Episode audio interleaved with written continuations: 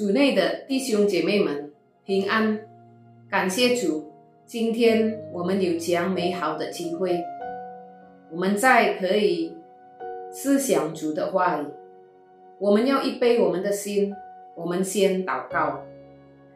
亲爱的主耶稣，我们满心感谢你，今天我们有健康的身体，特别我们也有渴慕你的心，好让我们可以。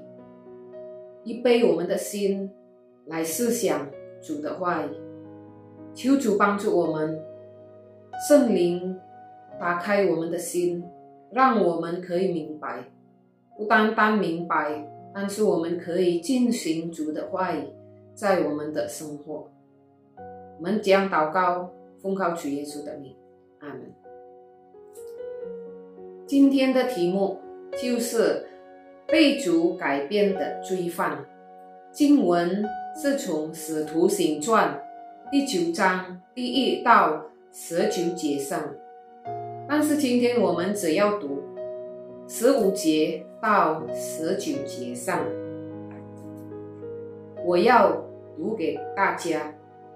主对亚拿尼亚说：“你只管去，他是我所拣选的器皿。”要在外邦人和君王，并以色列人面前显扬我的名，我也要指示他，为我的名必须受许多的苦难。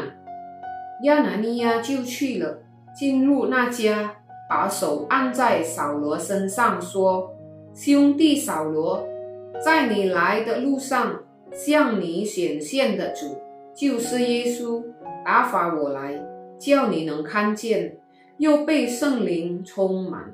扫罗的眼睛上好像有灵，立刻掉下来，他就能看见。于是起来受了洗，吃过饭就健壮。我们华人有一句俗话怎么说？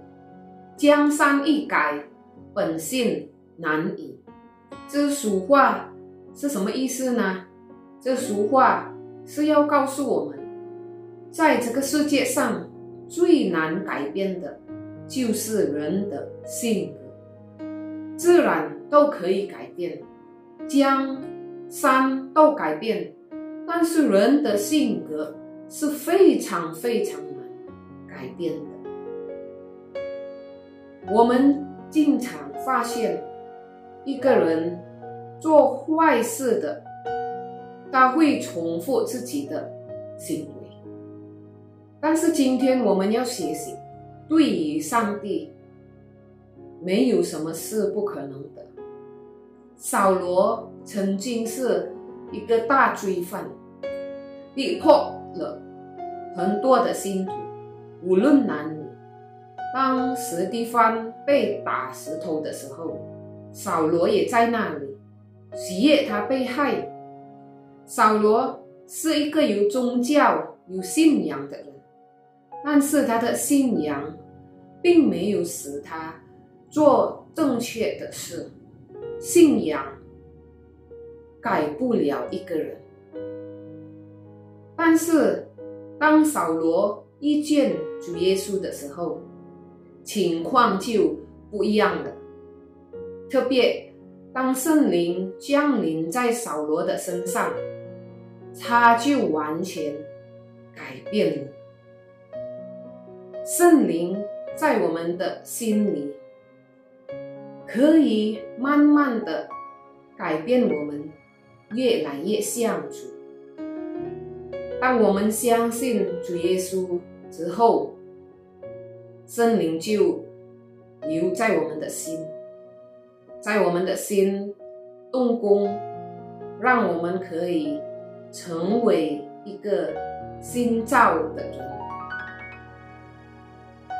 主内的弟兄姐妹，是否圣灵改变了你的心吗？我们低头祷告，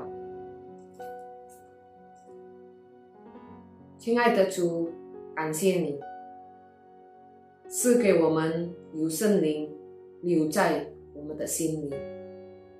圣灵可以带领我们，教导我们，怎么样我们的生活可以荣耀主，求主帮助我们，我们可以过了每天的生活，讨主的喜悦。